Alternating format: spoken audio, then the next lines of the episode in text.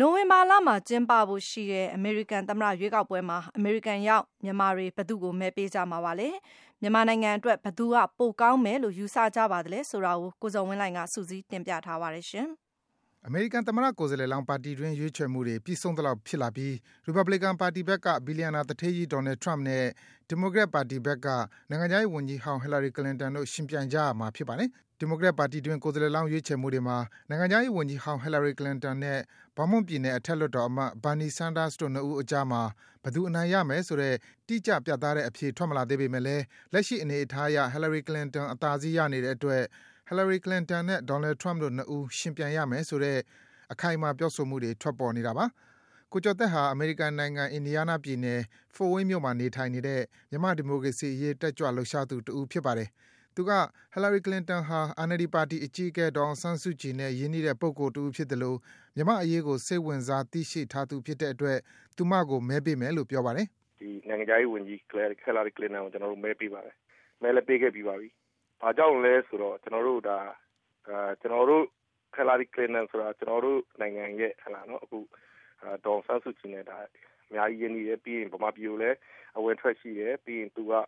ဗမာပြည်ရဲ့အရေးကိစ္စတွေကိုလည်းအများကြီးစိတ်ဝင်စားတယ်တခါဗမာပြည်မှာဟာလားအခုနဥပမာပေါ့ဗျာနော်အခုချိန်မှာတရုတ်ကနေပြီးတော့ဟာလားကျွန်တော်တို့ရှေ့ကဆေးရနာရှင်တွေကနေပြီးတော့ဟာဆက်ဆံပြီးတော့နော်တိတိပုံလောက်ထားတဲ့ဟာလားဒီစီးပွားရေးတွေဒါတွေအားလုံးကသူတို့အမြင်ထားပြီးသားပါကျွန်တော်တို့အဓိကကတော့ဗမာပြည်မှာကျွန်တော်တို့ခံစားနေရတယ်ဗမာပြည်သူတွေအဓိကခံစားနေရတာတော့ဟာတရုတ်တရုတ်နိုင်ငံရဲ့နော်ဟိုစီးပွားရေးအကျူးကျော်မှုတွေ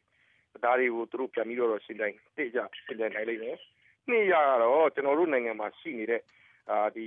ဟိုလူဖွဲ့စည်းမှာဆင်းရဲနွမ်းမှုပေါ့နော်ဒီလိုကိစ္စမျိုးတွေကိုအမေရိကန်နိုင်ငံကထဲထဲဝင်လာပြီးတော့ကူညီနိုင်မယ်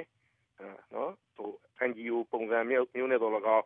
ဆောတော့လိုမျိုးနိုင်ငံရေးရတာလိုက်ခလာနော်ဝင်ပြီးတော့ဒီဒီဟိုကူညီတဲ့ဟာမျိုးခလာတခါစီးပွားရေးရတော့လကောက်ဒါတွေအများကြီးလုပ်ပေးနိုင်တယ်ကျွန်တော်တို့မြင်ပါတယ်နယူးဂျာစီပြည်နယ်မှာအခြေစိုက်နေထိုင်နေတဲ့မြန်မာဒီမိုကရေစီအရေးတက်ကြွလှုပ်ရှားသူနောက်တဦးဖြစ်တဲ့ကိုရင်အေးကလည်း အမေရိကန်ရောက် မြန်မာနိုင်ငံသားတွေဟာ အမေရိကန်ရွေးကောက်ပွဲမှာ မဲပေးကြတဲ့အခါ မြန်မာပြည်အရေးကို ထည့်သွင်းစဉ်းစားပြီး မဲပေးကြလေ့ရှိတဲ့အတွက် သူ့အနေနဲ့လည်း မြန်မာပြည်သူတွေအတွက် အကျိုးရှိနိုင်တဲ့ Hillary Clinton ကိုပဲ မဲပေးမယ်လို့ ပြောပါတယ်။“ကျနော်တို့အမေရိကန်ကို ရောက်လာကြတဲ့ အင်အားစုတွေ ကျနော်တို့ ဗမာပြည်က အင်အားစုတွေအနေနဲ့ကတော့ အမေရိကန်သမ္မတကို ရွေးချယ်ကြတဲ့အခါမှာ ကိုယ့်တိုင်းပြည်ရဲ့ အနေအထားကို ကြည့်ပြီးတော့ ကျနော်တို့အဓိကထား ရွေးကြတာပေါ့နော်။နောက်ပြီးတော့မှ ကိုယ့်ရဲ့ အခြေအနေ နောက်တချက်ပေါ့။ပထမဦးစားပေးကတော့ ကိုယ့်တိုင်းပြည်အခြေအနေဦးစားပေးတယ်။ကျနော်တို့ တချိန်လုံးကျနော်တို့ Republican ပါတီအနေနဲ့က စစ်အုပ်စုကိုဖိအားတွေပြင်းပြင်းထန်ထန်ပေးခဲ့ပြီးတော့အကျပ်တွေ့စေခဲ့တယ်။အဲဒီမှာနောက်ဆုံး၂၀၀၉မှာမစ္စတာအိုဘားမားတက်လာခဲ့တယ်။ဒီမိုကရက်ကနေသမ္မတအနေနဲ့တက်လာခဲ့တဲ့အချိန်မှာစပြီးတော့သူတို့ policy တွေပြောင်းသွားတယ်ဗျ။သူတို့အနေနဲ့ဒီတချိန်လုံး pressure ပေးလာဒီစစ်အုပ်စုပေါ်မှာ pressure ပေးလာတဲ့